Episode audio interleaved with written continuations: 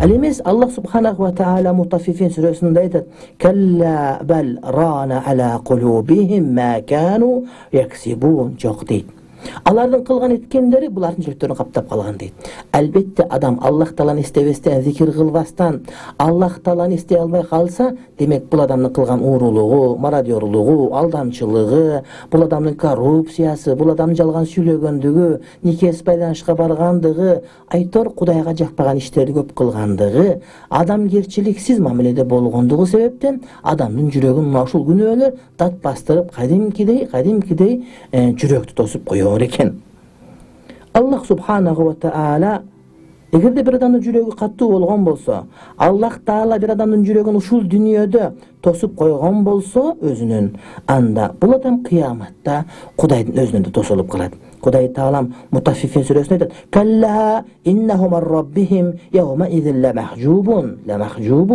Жок дейт. Алар дейт кыямат күнүндө өздөрүнүн роббусунан жаратуучу аллах тааладан тосулуп калат дейт кудай таала мына ошондон сактаган болсун.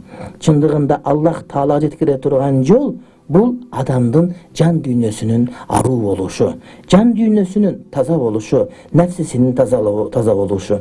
Адам ихсан даражасына эң улук ихсан даражага жетүү үчүн күнөөлөрдөн жаман нерселерден жаман пикирлерден жаман иштерден жаман сөздөрдөн кулук мүнөздөрдөн тазалоосу милдеттүү болот пайгамбарыбыз алейхисалам ихсан деген түшүндүрүп айтат.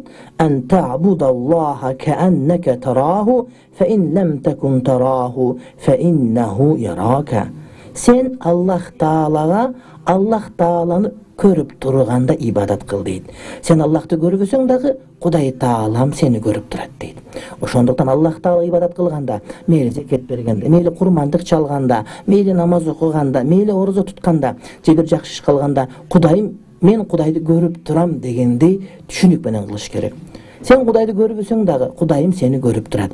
Демек аллах таала мени дайыма көрүп турат деген чын ыкластуулук менен иш кылганыбызда гана биз урматтуу бир туугандар ийгиликке жетишебиз. Бул хадис имам муслим риваят кылган хадис жибрил деген китеп. Кулуб жүрөктөрдү тазалоо жүрөктөрдү аруулатуу албетте урматтуу бир тууганым бул аллахтын өзүнүн каалоосу менен болот. Чындыгында аллах субханаху ва таала кимди кааласа анын жүрөгүн э, таза кылып коет дейт. Азирети пайгамбарыбыз алейхисаламдын э, сөзүн азирети зайд ибни э, аркам айтат дубасын нафси такваха ва заккиха анта хайру ман заккаха анта валиюха ва маулаха кожо айткан кудайым менин нафсиме такыбалык бер менин нафсимди тазалагының эң жакшы тазалоочу өзүңсүн. Сен менин жүрөгүмдүн ээсисиң сен менин жүрөгүмдүн кожоюнусуң деп дуба кылат эле. Демек урматтуу бир туугандар мына ушул маселелерге биз э, тыңдашыбыз керек.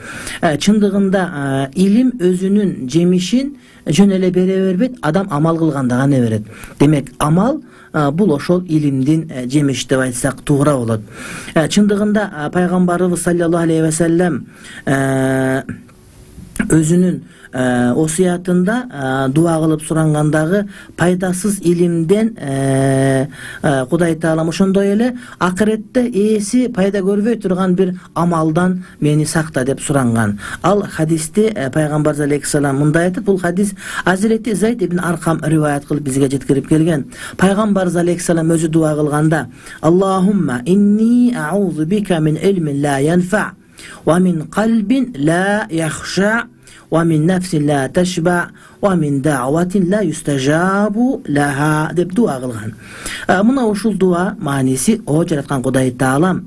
Мен сени менен пайдасыз илимден сактанамын дейт. Кудай таалам мени пайдасыз илимден сактай көр дейт. Өмүр бою куран жаттап өмүр бою куран окуп бирок ошол пайдасыз болуп калган болсо амал болбой калган болсо өмүр бою фыкых илим окуп шарият окуп ошонун эч кандай пайдасын өзү көрбөсө же башка бир математика же физика же бир химия илимдерин окуп ошонун өзүнө же үммөтүнө элине мамлекетине жерине пайдасы тийбесе ошого амал кылынбаса мына ошол адам пайдасыз илим алган болуп эсептелет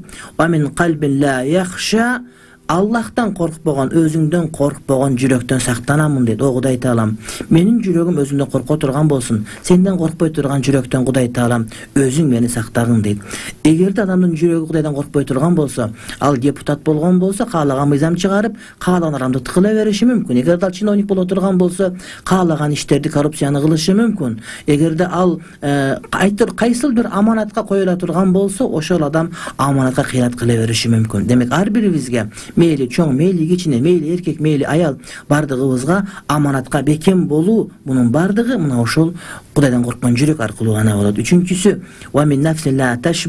тойбогон нафсидан. Канааттанбаган адамдын жүрөгүнөн сакта дейт. Демек биздин нафсибиз тое турган болуш керек. Пайгамбарым барына азыр жогуна кайыл дегендей баарына шүгүр этип жогуна сабыр кыла турган адам болсок гана ошондо биз э, кудай тааламдын бизге ыраа көргөн бактылуулугуна жашай алабыз. А бирок баарына ыраазы болбостон жулунуп эте берсек жулуна берсек жулуна берсек эч убакта тойбой турган болсо адамдын көзү көргө гана топурак гана тоет дейт. Так тойбой турган болсок бул адам бактылуу боло албайт. Демек нафсинин көздүн тоюусу дүнүйөгө бул дагы кудайдын берген жакшылыгы. Ошондой эле кабыл болбой турган дубадан сакта дейт. Канча дуба кылсак эртели кеч дуба кылсак дубабыз кабыл болбой калат. Демек кабыл болбой калган дубадан дагы кудай таалам сактасын деп тилек кылышыбыз керек. Имам ибн ражаб ал хамбали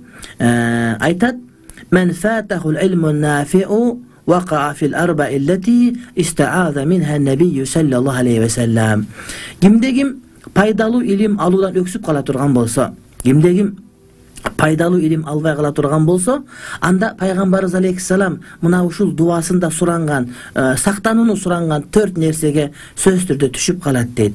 Анткени анын илими биринчи алган илими пайдасыз болуп өзүнүн зыянына болот. Кыяматка барганда ушуну билдиң элең ушуну дедиң элең эмне үчүн аткарган жоксуң дейт.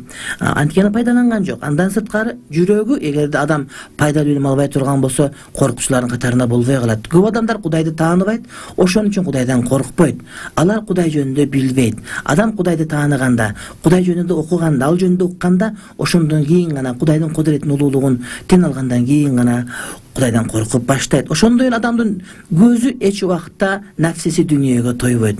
Эгер адамдын нафсиси дүнүйөгө тойбой турган болсо анда ушул адам таптакыр бактылуу боло албай калат экен. Кудай таалам ушулардын баардыгынан бизди э, сактаган болсун. Андан сырткары курани каримде кахф сүрөсүндө аллах субханаху ва таала айтат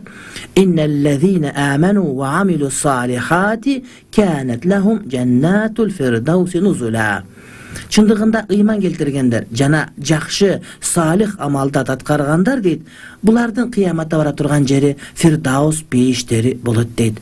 Ыйман келтирип анан амал кылгандар. Ыйман амал экөө дайыма бирге жүрөт.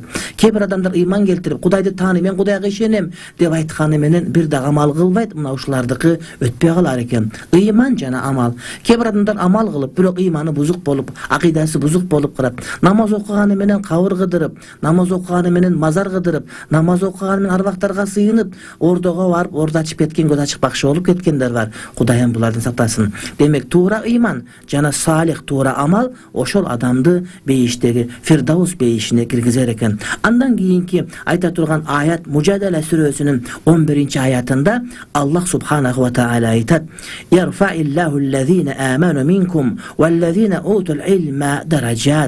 Кудай таалам силердин араңардан ыйман келтиргендерди жана илим берилгендердин даражасын көтөрөт дейт. Мына ушул илим мына ушул ыйман чындыгында урматтуу бир туугандар адамды жакшы бир берекелерге жетелейт деп айткан болсок туура болот